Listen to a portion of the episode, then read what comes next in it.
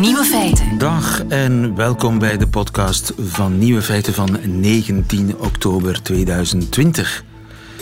In het nieuws vandaag dat Polen voortaan naar de fitnesskerk kunnen. In een poging om de coronamaatregelen te omzeilen heeft een sportclub in Krakau zich omgedoopt tot kerk. Sinds dit weekend moeten restaurants in Polen vroeger dicht, huwelijksfeesten zijn verboden en in rode zones zijn middelbare scholen overgestapt op afstandsonderwijs. Ook de sportclubs moeten dicht, maar kerkdiensten mogen wel nog doorgaan, zolang de gelovigen maskers dragen en zich aan de opkomstlimiet houden. Vandaar dat de leden van de sportclub in Krakau nu officieel niet langer naar de gym gaan, maar naar de Church of the Healthy Body. Het lichaam als tempel, toch? En fitnesslessen die heten voortaan religieuze bijeenkomsten. Zou dat iets katholieks kunnen zijn? De andere nieuwe feiten vandaag. Het wordt nooit meer zoals vroeger, zegt geriater Rudy Westendorp, die in Denemarken lange tijd in het corona-adviesteam zat. De Fransen voelen zich beledigd door een nieuwe Amerikaanse Netflix-serie over Parijs. Lieven Scheire stuurt ons op insectensafari in eigen tuin en studenten bouwen met afval een sportauto. De nieuwe feiten van Otto Jan Ham hoort u in zijn middagjournaal. Veel plezier. Radio 1. Nieuwe feiten. Het wordt nooit meer zoals vroeger, ook al komt er een vaccin. Onze levensstijl van vroeger, van voor corona, die zullen we nooit meer kunnen oppakken. Dat zegt een hoogleraar ouderengeneeskunde aan de Universiteit van Kopenhagen. Dat is Rudy Westendorp. Goedemiddag, meneer Westendorp. Goedemorgen, eh, goedemiddag, lieve. Ja, het, eh, we zijn al middag. Uh, dat, is, dat is een sterke uitspraak die u daar doet. Ook al komt er een vaccin, dan nog kunnen we niet meer leven zoals vroeger. Hoe kan dat? Omdat uh, COVID is een uh, sociaal overdraagbare ziekte. Een sociaal overdraagbare ziekte, een SOA? Oh, het, het, is een echte SOA, is het. En dit is een, een bijzondere SOA, want die wordt niet overgebracht door seksueel contact, maar deze wordt door sociaal gedrag overgebracht. En ik, ik, ik herinner mij de tijd aan de eind jaren 80, begin jaren 90, dat ik voor de aids-patiënten zorgde. En toen hebben wij gezegd van ja, voor de vrije seks is voorbij. Ik bedoel, op die tijd deden we het gewoon met elkaar zonder condoom. Het risico was gewoon vrijwel nul. En daarna is, is, is dat gewoon echt afgelopen geraakt. Sindsdien is de seksuele praktijk eigenlijk veranderd door aids. Nu, het grote verschil is, er is nog altijd geen vaccin tegen aids. Als er een vaccin komt tegen corona, dan zijn we toch met z'n allen beschermd en dan kunnen we meer met z'n allen ja, hossend uh, door de straten. Het, eh, door, door, laten we zeggen, Brussel, Antwerpen, ja, dat vind ik een interessante gedachte. Daar zouden we dan nog net even hoop op kunnen hebben. Maar het volgende coronavirus ligt al te, slapen. Dat zou mijn argument tegen zijn. Want we hebben, eerst hebben we al uh, twee eerdere pogingen gezien van coronavirussen. Die zijn met SARS en met MERS zijn die toch beperkt gebleven. Nou, deze corona die, die slaat uh, enorm toe.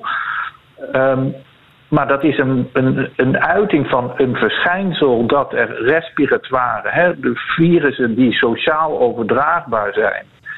En die liggen te wachten totdat uh, de tijd gunstig is. En dat is als wij dus zo sociaal promiscu eh, over de, ja, door de, de straten gaan. En of het nou Brussel of de wereld is, dat maakt dan verder niks uit. Dus dit is eigenlijk een symptoom van een doorgeslagen globalisering, waarbij iedereen voortdurend de hele wereld rondreist en van festival naar carnaval uh, hopt. En ja, op die manier zullen virussen blijven circuleren. En ook al hebben we een vaccin tegen dit coronavirus, het volgende coronavirus komt er al aan. Dat is precies wat ik zeg. Dat is een heel donker toekomstbeeld dat u daar schetst. Dus dat... Nou, nee, nee, nee, nee. Maar, ik, ik ben Nederlander en die zijn natuurlijk veel somberder dan, dan, dan Belgen. Ik, ik ben niet somber.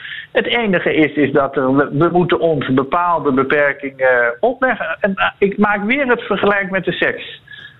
Ja. Is het nou zo dat we geen seks meer hebben? Is het dan zo dat niemand meer plezier heeft van seks? Nee, dat is natuurlijk helemaal niet zo. Dus het, het mondkapje is het nieuwe condoom? Het is meer dan het mondkapje. Het is gewoon het, het, het vrije. Kijk, ik woon nu en werk nu in Scandinavië. Daar, daar ga je elkaar huggend, ontmoet je elkaar. Ja, wie weet is dat, laten we zeggen, gewoon voor ja, binnen de familie is dat nog, ja, past dat nog, maar daarbuiten niet meer. Hetzelfde geldt voor hand, handen schudden. In plaats van dat je de handen gaat schudden, moet je handen wassen. Dus als je bij elkaar binnenkomt, ga je als begroetingsceremonieel ga je niet schudden, maar ga je handen wassen. En dat soort kleine dingen maken het verschil. Maar uh, zullen we in de toekomst nog onbezorgd naar een festival, naar een theatervoorstelling kunnen gaan? Nou, dat, dat, dat, is, dat, is in, ja, dat is in de wolken geschreven. Maar in mijn idee is als we de handhygiëne echt goed zouden toepassen en dan het. Ik ga even naar Brussel, dan vlieg ik door naar Parijs en dan ga ik naar de twee dagen nog skiën op de wintersport en daarna ga ik in het carnaval. Ja, dat is misschien Voorbij. Niet een goed idee. Dat is voorbij. Dus het, het uh, gratis bijna de wereld overreizen in vliegtuigen, dat is om allerlei redenen eigenlijk. Zou dat niet meer ah, kunnen? kijk nou toch eens. Elk nadeel heeft zijn voordeel, zei Cruijff altijd. Praten we al niet langer over, laten we zeggen, dat, dat het, het, de wijze waarop we elkaar uh, ontmoeten met, met, met, met, met, met budget mogelijkheden van, van 0, 0, 0 franken kan ik, of ja, 0 euro kan ik, laten we zeggen, gewoon ja. vanavond bij jou op bezoek. Daar hebben we al groene bezwaren tegen. Groene bezwaren en nu hebben we eigenlijk gezondheidsbezwaren daartegen. Nu, Kunnen we die niet combineren? Ja, Inderdaad. En, uh, maar wat u eigenlijk zegt is, we, hebben, uh, we moeten onszelf heropvoeden. We hebben een soort discipline nodig. Uh, dat is eigenlijk wat u zegt. Dat, dat, dat is net iets anders. We moeten onszelf disciplineren en we moeten ons realiseren dat we onderdeel uitmaken van de samenleving. En daar hebben we een verantwoordelijkheid voor. En als we dat maar gewoon telkens onze vinger opsteken, dan gaat het met de samenleving gaat het dus niet goed. Ja, en is dat het grote verschil tussen Denemarken, waar u woont en werkt, en uh, Nederland-Vlaanderen? Ja, dat is absoluut het verschil. Als je geen consistent beleid kunt voeren als land, dan heb je het gewoon het nakijken wanneer zo'n virus wat gewoon in één klap gewoon explodeert. Ja, dan kun je het vergeten. Ja. En in, in Denemarken, bij uitbreiding in Scandinavië, doen mensen iets voor de gemeenschap. Daar is meer gemeenschapszin. Er is, er is in Denemarken, dat is onderdeel van het Nordic Model en dat heet Me in We. Ik ben een, ik ben een individu, me maar in ik maak. We. Ik in ja, wij. Me in. Juist, ja, ja. ik in wij. En dat betekent, jij bent een persoonlijkheid. Jij bent, jij bent echt een persoonlijkheid. Kijk in de spiegel en andere mensen zien jou ook. Maar je bent onlosmakelijk verbonden met de mensen rondom je heen. En de groep heeft een verantwoordelijkheid om het goed te maken voor jou. Dat jij je kunt, ja, eigenlijk helemaal kunt uit, uit, uitmunten. Aan de andere kant heb jij ook een verantwoordelijkheid naar de groep toe. Er zit een balans tussen. En dat is die balans, die is in, in, Scandinavië veel meer van je moet het groepsbelang, met als jij iets doet, moet je het groepsbelang in oog houden. En dat maakte dat collectieve maatregelen die je dus nodig hebt om een coronacrisis te bestrijden, die heb je absoluut nodig. En die krijgen dus hier ja, als vanzelfsprekend, ja, krijgt die, laten we zeggen, de instemming. Ja. Als, de, als de premier of als de overheid zegt van en nou moeten we gewoon ons gedragen. En of dat nou met of zonder mondkapjes is, of dat je niet bij je ouders op bezoek gaat als je begint te snotteren of iets dergelijks. Dan, uh, dan houdt iedereen zich daaraan. Als u zich eh, zonder mondkapje op het, op het openbaar vervoer zou begeven in Denemarken, wordt u dan uh, aangestaard, gecorrigeerd? Dat komt al bijna eigenlijk niet voor, omdat op een gegeven moment na veel... We zijn heel lang zijn we geen, hebben geen mondkapjes gedragen in Denemarken. Op het moment dat het in andere landen al helemaal hot was, zeiden wij in Denemarken: ja, we gaan die gekkigheid niet doen, want de, de, de bescherming is maar betrekkelijk. Wij doen het op een andere manier. Maar goed, dat gaat dan toch in. En op een gegeven moment is dat besluit. In het openbaar vervoer, we gaan dat dragen, omdat er ook mensen in de trein zitten. En die zijn wel bevattelijk, die zijn oud en die hebben chronische ziekten. Nou, en dan zeggen we, ja, dat is, dat is eigenlijk ook zo. Nou, dan op dat moment is de discussie gesloten. Dan draag je gewoon mondkapjes. Niet zeuren, mondkapje dragen. En als je het niet doet, dan ben je... Niet zeuren, dan ben je, hebben we zo afgesproken. En dan ben je en, asociaal. Me in wie? Me in wie? in wie? Dat is het uh, ultieme wapen tegen corona. Ik ga het onthouden, dankjewel. Rudy Westendorp in uh, Denemarken. Goedemiddag. Nieuwe feiten.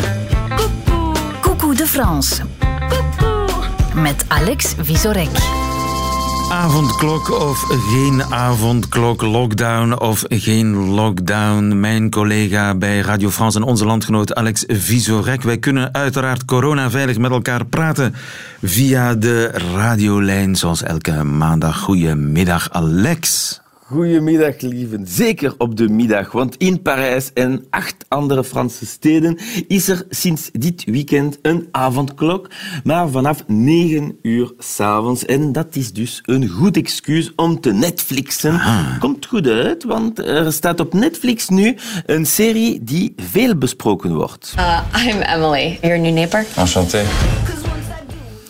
Emily in Paris is de nieuwe reeks van eh, de maker van Sex and the City. Het gaat over de jonge Emily, een Amerikaanse die in Parijs komt werken en dus kennis maakt met de Fransen. Alle kranten schrijven erover, maar niet omdat ze het goed vinden. Ze zijn eerder verbaasd. J'ai découvert une ville française qui a l'air incroyable. Il faut absolument qu'on y aille un de ces quatre. Tout y est sublime. On y mangerait à même le trottoir. Les jeunes femmes vivent dans des chambres de bonne de la taille d'un trois pièces et ne prennent jamais les transports. Cette ville s'appelle Paris. Paris, c'est ça. Is er proper dat je van het trottoir kunt eten. Ja, alles is prachtig, alles is proper. Emily huurt zelfs een kleine chambre de bonne. De kamer die vroeger voor het uh, huishoudspersoneel of de meid gebruikt werd. Uh, en het kamertje van deze meid is een studio van 60 vierkante meter. Wow. De reeks is dus zeker niet door IMO-makelaars geschreven, want het is vaker omgekeerd. Ze verkopen u een studio en uiteindelijk is het maar een kamertje van 7 vierkante meter. Het is dus niet Emily in Parijs zoals het echt is, maar in Parijs zoals de Amerikanen uh, het zich inbeelden. Een stad waar mensen nog baretten dragen, waar de Eiffeltoren overal te zien is. En het is niet nieuw dat Parijs in films heel cliché voorgesteld wordt. De Fransen waren al kritisch over Midnight in Paris van Woody Allen. I mean, this, this is unbelievable. There's no city like this in the world. You're in love with a fantasy. I'm in love with you. Ach, Parijs. Ah, een accordéon, de Eiffeltoren, romantisme, shots op le Pont des Arts, le Musée d'Orsay, le Louvre. Alle Amerikaanse films die zich in Parijs afspelen tonen dezelfde magische sfeer. Maar ja, dat is ook wel wat de schuld van de Fransen zelf. Aha. C'est Amélie. Amélie Poulain. Et elle va changer leur vie. Ah, voilà, natuurlijk. Ken je die film? Amélie. De film. Ja, over het ideale Parijs was toch wel Amélie Poulain. Maar Emily in Paris is nog idyllischer dan een postkaart. Te idyllisch. In deze scène probeert Emily per vergissing de deur van haar sexy buurman open te doen. Sorry, I, I thought this was my apartment. Fifth floor? This is the fourth floor. Fifth floor. Right. Merci. Merci. Merci. Een Franse comedienne heeft er een realistischere remake van gemaakt.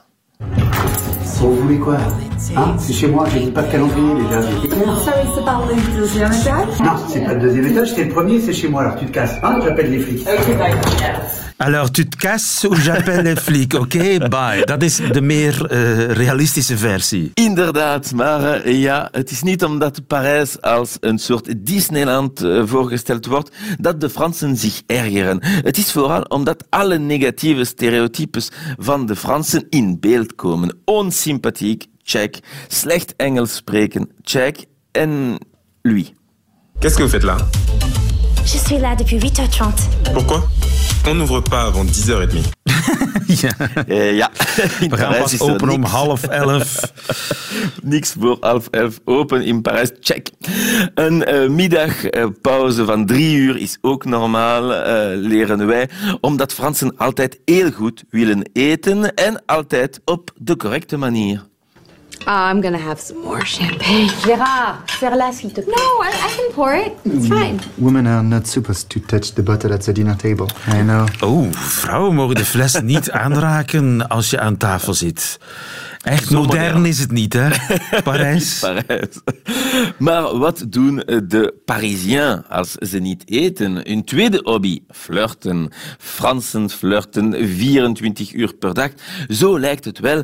Eh, en zelfs de president komt in de serie aan bod. Je rêve d'aménager à Paris pour ainsi dire depuis toujours. En plus, les Français aiment les femmes mûres. Prenez leur président. Il est jeune, il est sexy. Il a épousé sa maîtresse d'école. Aha, de, zelfs de president eh, is sexy, en is zelfs met zijn schooljuf getrouwd. Dus rijpere dames komen ook eh, aan de bak. Ja, en het is wel waar voor Emmanuel Macron. Dat is dus hoe Amerika de Fransen zien. Natuurlijk kan een serie niet helemaal waarheidsgetrouwd zijn, maar deze Amerikaanse studenten die in Parijs woont, net zoals Emily, vindt dat er meer te tonen was. euh, montre quand même un minimum de ce que fait Paris, euh, une ville chouette, dynamique, euh, diverse et, euh, et intéressante. Et c'est pas que le côté vieux Paris. Euh, et surtout, au moins garder euh, quelques poubelles. Tenminste een paar vuilbakken had deze dame willen zien. Ja, men ziet soms vuilbakken in Parijs sur les trottoirs. Voilà, als je dus naar Emily in Paris kijkt, vergeet dat niet dat wat je ziet vooral clichés zijn. Nu, je zou je kunnen afvragen, al Fransen zo boos zijn, is dan dat niet omdat het toch een klein beetje waarheid bevat? Gezien ze geen Nederlands verstaan, durf ik gerust te antwoorden, ja ja, absoluut. Ja, ze zijn zo boos. Omdat het misschien een kern van waarheid bevat. Zou kunnen. We zullen het niet verder vertellen. Dankjewel. En tot volgende week, Alex Visorek. Goedemiddag. Altijd benieuwd. Nieuwe feiten. Op vakantie naar het buitenland? Nee, het zit er voorlopig niet in de komende maanden. Maar je kan natuurlijk altijd, zoals mijn moeder zei, naar Mon Jardin. Naar eigen tuin. Tenminste, als je er een hebt. Of je kan naar het park. En daar is nog een extra reden voor, volgens Lieve Scheire. Want niets is zo boeiend en spannend als een insectensafari. Dag Lieven. Een zeer goede dag. Waar ben jij? Ik ben in een eh, kleine boomgaard in Merelbeke. En je bent, heb ik me laten vertellen, op insectensafari.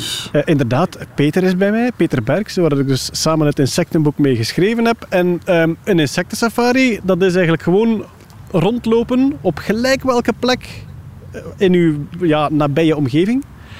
En zoeken naar de insectjes, de diertjes die daar zitten.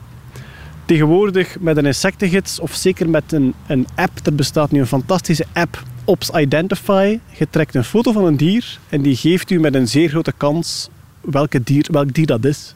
Maar sorry, insecten, ik benader die altijd gewapend met een mepper of een spuitbus of een schoen. Is dat verkeerd?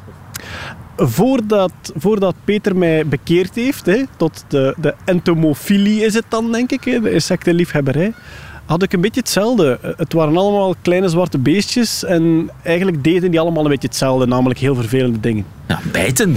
Ja, bijten, steken in de limonadelanden, dat soort eh, gedoe. Maar eens dat je weet hoe die dieren leven, wat die allemaal doen, hoe, vooral hoe dat ze elkaar de duvel aan doen, dat is, het, dat is het spectaculaire aan de insectenwereld. Die zijn zo vreed op de meest creatieve manieren ten opzichte van elkaar. Zoals? Uh, ja, um, als, als Peter rondwandelt, dan vertelt hij allerlei horrorverhalen over uh, deze sluipwesp probeert haar eitjes te leggen in de rups van het koolwitje. De larve komt uit in de rups en begint die van binnen langzaam op te vreten. Maar om de rups zo lang mogelijk levend en vers te houden, eet die rond de vitale organen. Zodat die rups blijft leven. En dan pas als de honger te groot wordt, eet ze ook het hart op of zo. En dan valt die dood en dan vreet ze de rest op. En dan komt er een nieuwe sluipwesp uit. En op die manier wordt er geparasiteerd en gedaan. Er zijn horzels, zijn vliegen, die hun larven bijvoorbeeld in de neus van een hert spuiten. Dan beginnen die larven in de neus van een hert eigenlijk ja, hertenvlees en hertensnot te vreten, tot die ook volgroeid zijn en dan vliegen die weg. Er is ook een horzel die op de mensen uh, kruipt en dan groeit er Ik dus ben een bijna verliefd. Ja, ik, ik voel het. Ik ben, ja, ik ben het wel echt aan het verkopen, heb ik de indruk. En kunnen we daar nu getuigen van zijn in die boomgaard in Merelbeek? Maar we gaan eens rondkijken wat er hier te zien is. Uh, wat... Kan dat onmiddellijk? Want ik heb hier nog van alles te doen. Uh, of, uh... Ja, voilà. Peter wijst hier al. Um, Peter wijst oh, Peter hier naar is daar tak. bij jou. Ja, ja, Peter staat hier naast mij. Ik ben de liefhebber, Peter is de kenner. Uh, we staan aan een tak en ik zie daar een hele hoop zwarte mieren op zitten. Peter, wat is hier aan het gebeuren? Wel, deze mieren zijn hun koeien aan het melken. Dus er zit hier ook, uh, er zit hier ook een hoop bladluizen aan. En uh, bladluizen die zuigen plantensap, daar zit heel veel suiker in. Normaal gezien uh, kakken die bladluizen dat uit en die spuiten dat weg. Dat is honingdauw.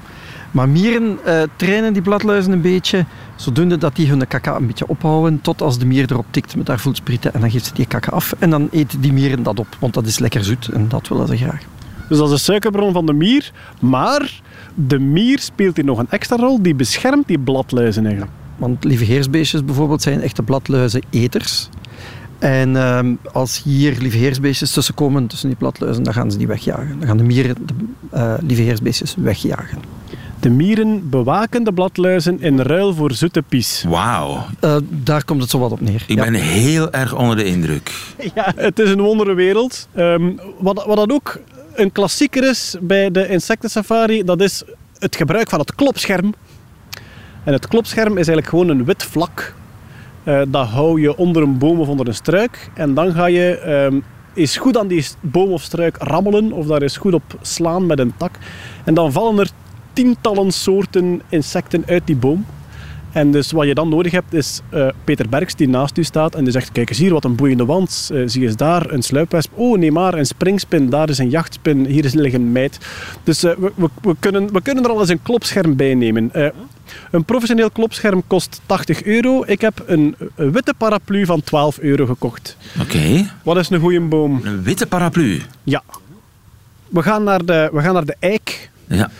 Um, we hebben alle tijd. Doe rustig aan.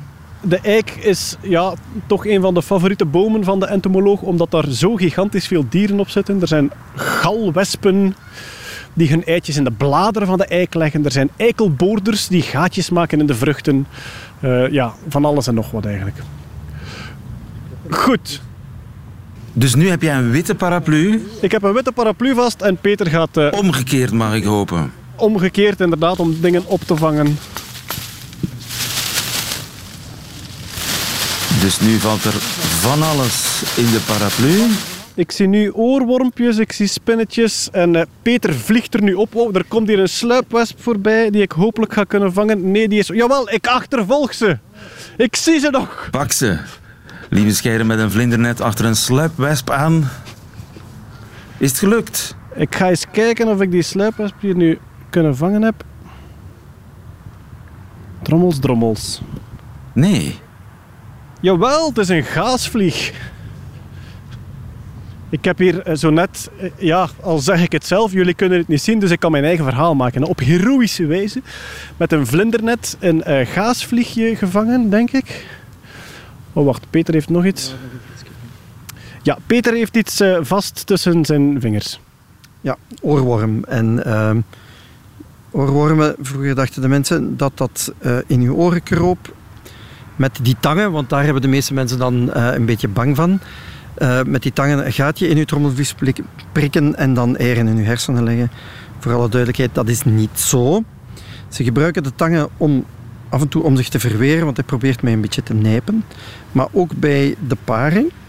En de tangen geven jou de mogelijkheid om een onderscheid te maken, om te kijken of het een manneke of een vrouwke is. Als de tangen mooi rond gevormd zijn, gekromd zijn, dan zijn het mannen.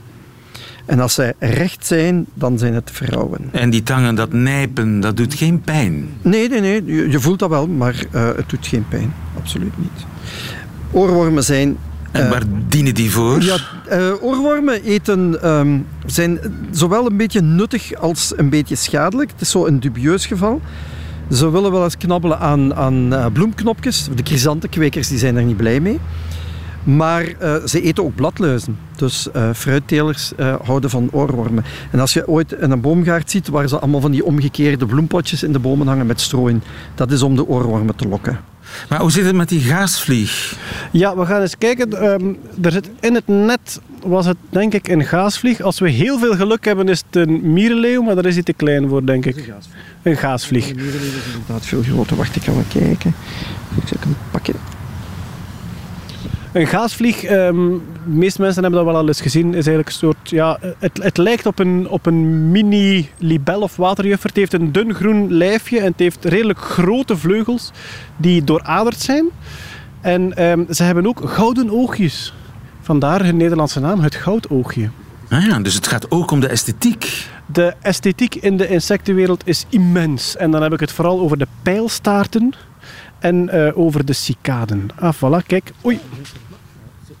Ai, ze is weg. Ze nog vliegen? Ja, daar. Ah ja, ik ga ze proberen nog eens pakken. Recht naar die hazelaar. Nee, nee, ze is weg nu. Zwat, uh, we zijn ze kwijt. Uh, gelukkig zitten wij hier midden in een safaripark van andere insecten, dus kunnen we nog eens zien wat er hier zit. Pophuidje. Nog iets op het klopscherm? Pophuid, dus de, de vervelling van een lieveheersbeestje. Dus als die als larve verpopt en dan daarna als volwassene daar terug blijft het velkje zitten. Dus lieveheersbeestjes poppen die, die zetten zich vast op een blad. En zo komen die er dan uit. Hè? Lieve heersbeestlarve, trouwens een diertje dat overal voorkomt en dat heel weinig mensen herkennen.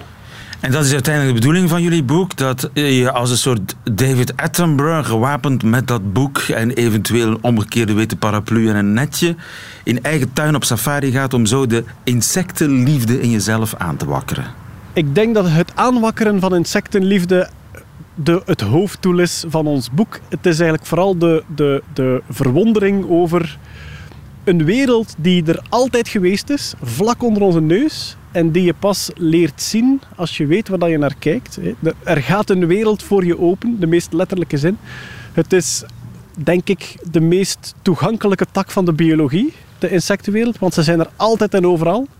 In elk huis zitten 100 à 200 soorten insecten, dus duizenden en duizenden beestjes.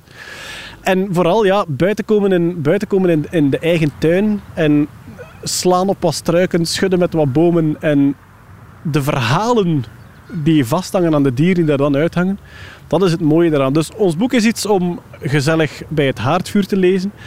En er is een soort, er staat één hoofdstuk in, hoe ga ik nu op safari in eigen tuin? En daarin leer je een, beetje wat wij nu aan het doen zijn. Hè? Dus uh, verwondering zoeken in het struikgewas. Ja. Dankjewel, Lievenscheire en Peter Berks vanuit een uh, boomgaard in Merelbeke. Het boek heet Insecten. Radio 1. Nieuwe feiten. Een groep studenten die hebben een auto gebouwd, zelf ontworpen, zelf in elkaar gezet. Hij ziet er prachtig uit als een knalgele Italiaanse sportbolide. Maar het strafste is, die auto is volledig gemaakt van afval. Matthijs van Wijk, goedemiddag. Goedemiddag. Matthijs, jij studeert aan de Technische Universiteit van Eindhoven en hebt meegebouwd aan Luca. Want Luca, zo heet jullie prototype, hè? Ja, inderdaad. Uh, we hebben inderdaad de uh, afgelopen anderhalf jaar uh, ja, keihard gewerkt met in totaal 22 studenten om ja, die auto te bouwen. En ja, dus een paar, een paar, weken terug was het eindelijk zover en hebben we hem officieel onthuld. de auto gemaakt van afval, waar is het onderstel bijvoorbeeld van gemaakt, het chassis? Ja, dat is inderdaad een van de belangrijkste dingen van de auto. Dus, het, uh, ja, dus er komen natuurlijk heel veel krachten op. Dat moet hartstikke stevig zijn om een goede auto te hebben. En daarvoor hebben we een, uh, ja, in samenwerking met enkele bedrijven hebben we materiaal ontwikkeld. Uh, dat ja, noemen ze composiet, dus het bestaat uit meerdere materialen. Um, en wij hebben het dus gemaakt van vlasvezels. Dus dat is een, een plant. Er zitten hele sterke vezels in. En die worden bij elkaar gehouden door plastic wat echt uit de oceaan weer is opgevist. En weer helemaal gerecycled is, dus echt afval. En uh, in het midden zit ook nog een, uh, een kern van uh, gerecyclede petflesjes. En door die drie materialen te combineren kunnen we een heel sterk materiaal maken waar het onderstel dus van is gemaakt. Oké, dus het plastic dat uit de oceaan wordt gevist, gerecyclede petflesjes en vlas, daar is het onderstel van gemaakt. En het koetswerk? Ja. Ook? Dat is ook ja, van een gerecycled materiaal gemaakt. Dan hebben we gekozen om het van een, een plastic te maken, ABS. Dat is eigenlijk een, ja, een hard plastic wat ook in heel veel bijvoorbeeld koffiezetapparaten wordt gebruikt. Uh, bijvoorbeeld autobumpers worden er vaak al van gemaakt. Maar wij hebben ervoor gekozen om echt uh, de hele, het hele koetswerk ervan te maken. Oké, en krijg je dan een uh, mooie glanzende lak? Ja, het, het, paneel zelf kan wel een kleur hebben. Maar dat was bij, in ons geval zwart. Dus daarom hebben we een, een wrap eroverheen gedaan. Dus eigenlijk een soort laagje plakkende folie. En die geeft hem de mooie gele kleur. Ja, en ook die, die folie is gemaakt van gerecycled materiaal? Uh, die is niet uh, van gerecycled materiaal, dat is van, uh, van vinyl, is een soort PVC. Dus dat is, blijft natuurlijk wel een dingetje, dat maar een het is wel een stuk duurzaam. Ja. ja. En de zetels? Het is in ieder geval wel al een stuk beter dan het gebruik van een lakauto. ja, en de zetels, hebben die, heb je die ergens van het containerpark gehaald? die, nee, die zijn eigenlijk helemaal op maat gemaakt ook voor de auto. Wel weer van gerecycled materiaal ook. Dus bijvoorbeeld datzelfde paneel uh, waar ook het onderstel van is gemaakt. Dat is ook gebruikt om ja, eigenlijk de stoel zijn sterkte te geven. Um, en, maar ja, het is, dat is natuurlijk vrij hard, dus daar wil je niet op zitten. Dus we hebben kussens laten maken van onder andere kokosnoothaar, paardenhaar en gerecycled pet ook weer. Ja. Dus dat is ook weer ja, helemaal gerecycled. Maar je gaat me toch niet vertellen dat uh, de motor gerecycled is? Nee, motoren die, uh, die hebben we inderdaad gewoon, uh, gewoon ingekocht.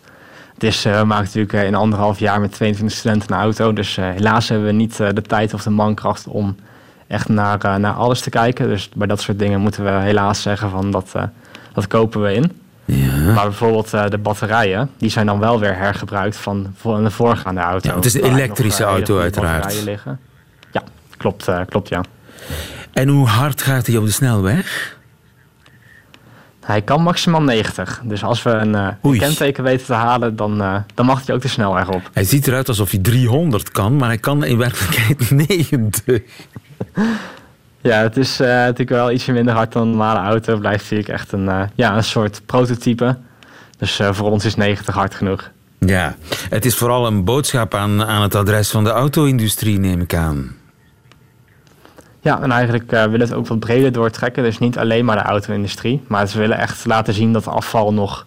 Ja, ik vind dat je nog zoveel meer ermee kan doen. En dat het eigenlijk zonde is om het zo snel weg te gooien al.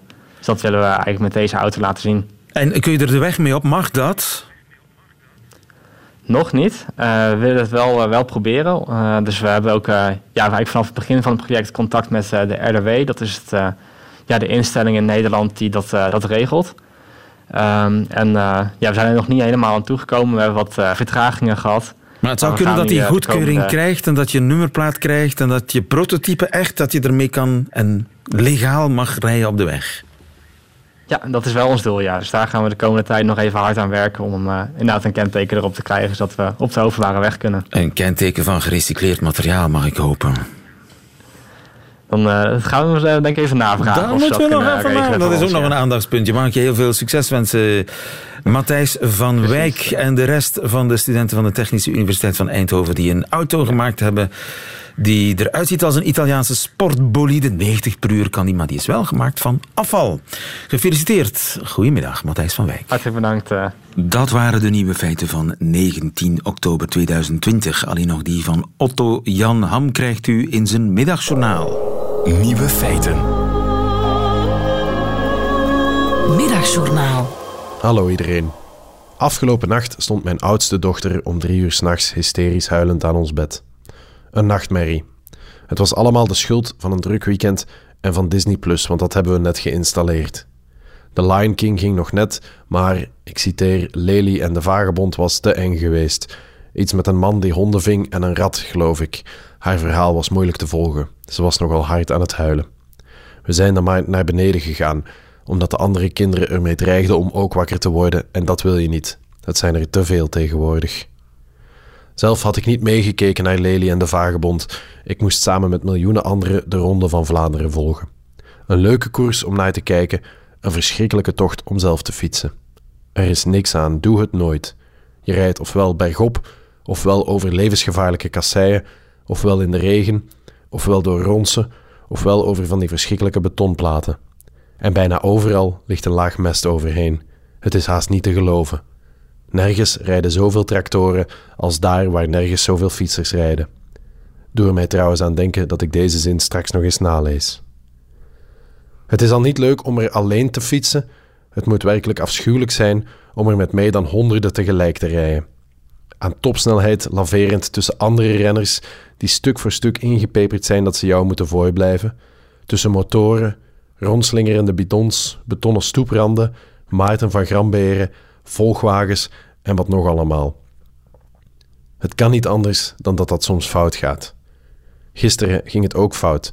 Julien Alaphilippe, de Franse wereldkampioen die nogal in vorm leek, tikte een motor aan en ging hard tegen de betonplaat. Ironisch genoeg net op een plek waar geen mes lag om de val wat te breken. Het was akelig om te zien en ook ik voelde mijn middenhandsbeentjes even verrekken van de pijn. Remco Evenepoel zag het ook gebeuren. De sportpersoonlijkheid reed niet mee, maar wordt gelukkig wel 24 uur per dag gemonitord door iedereen die zichzelf sportjournalist noemt. Hij besloot om snel te reageren, want ook dat is topsport: het instinct volgen. Met een internationaal luidend statement, fucking motard de merde, trok hij naar Twitter. De sportpersoonlijkheid weet ook wel dat culpabiliseren het goed doet in het enige café waar je tegenwoordig nog welkom bent met toogpraat. Ik moest denken aan de arme motaar. Die zou net als mijn dochter en ik nu niet aan het slapen zijn. Misschien al jaren in de koers, misschien in al die tijd nog geen schrammetje op zijn bolide. Gisteren na de aankomst zal hij honderd keer hebben moeten uitleggen wat er precies gebeurd is. Dat hij ook achter een andere motor aanreed en eigenlijk geen kant uit kon. Dat hij niet in het gootje kon rijden omdat hij dan gevallen zou zijn misschien tegen een renner. Dat hij verschrikkelijke rugpijn had van al uren op de motor te zitten waardoor hij niet meer zo alert reed. Dat hij werd afgeleid door zijn overste die iets in zijn oor aan het schreeuwen was. Dat hij de doortocht door Ronsen slecht verteerd had. Of dat hij ook maar een mens was en een zeldzaam moment van onachtzaamheid had getoond. Hoofdschuddend zal hij zijn aangekeken. En dan moest hij nog naar huis, wetende dat zijn vrouw ondertussen ook wel gelezen had welk vlees ze weer in haar kuip kreeg. Een fucking motarde merde. Veel fucking zal er daar voorlopig niet meer in zitten. Ik suste mijn dochter en zei dat we heus niet de enige waren die nu wakker lagen. En vertelde over de man en hoe die nu in zijn bed lag. Met de motorhelm nog op om het schaamrood en de tranen wat te maskeren. Ze vond het een geruststellende gedachte en viel in slaap. Wat meteen het signaal was voor de jongste om het op een janken te zetten. Die had honger.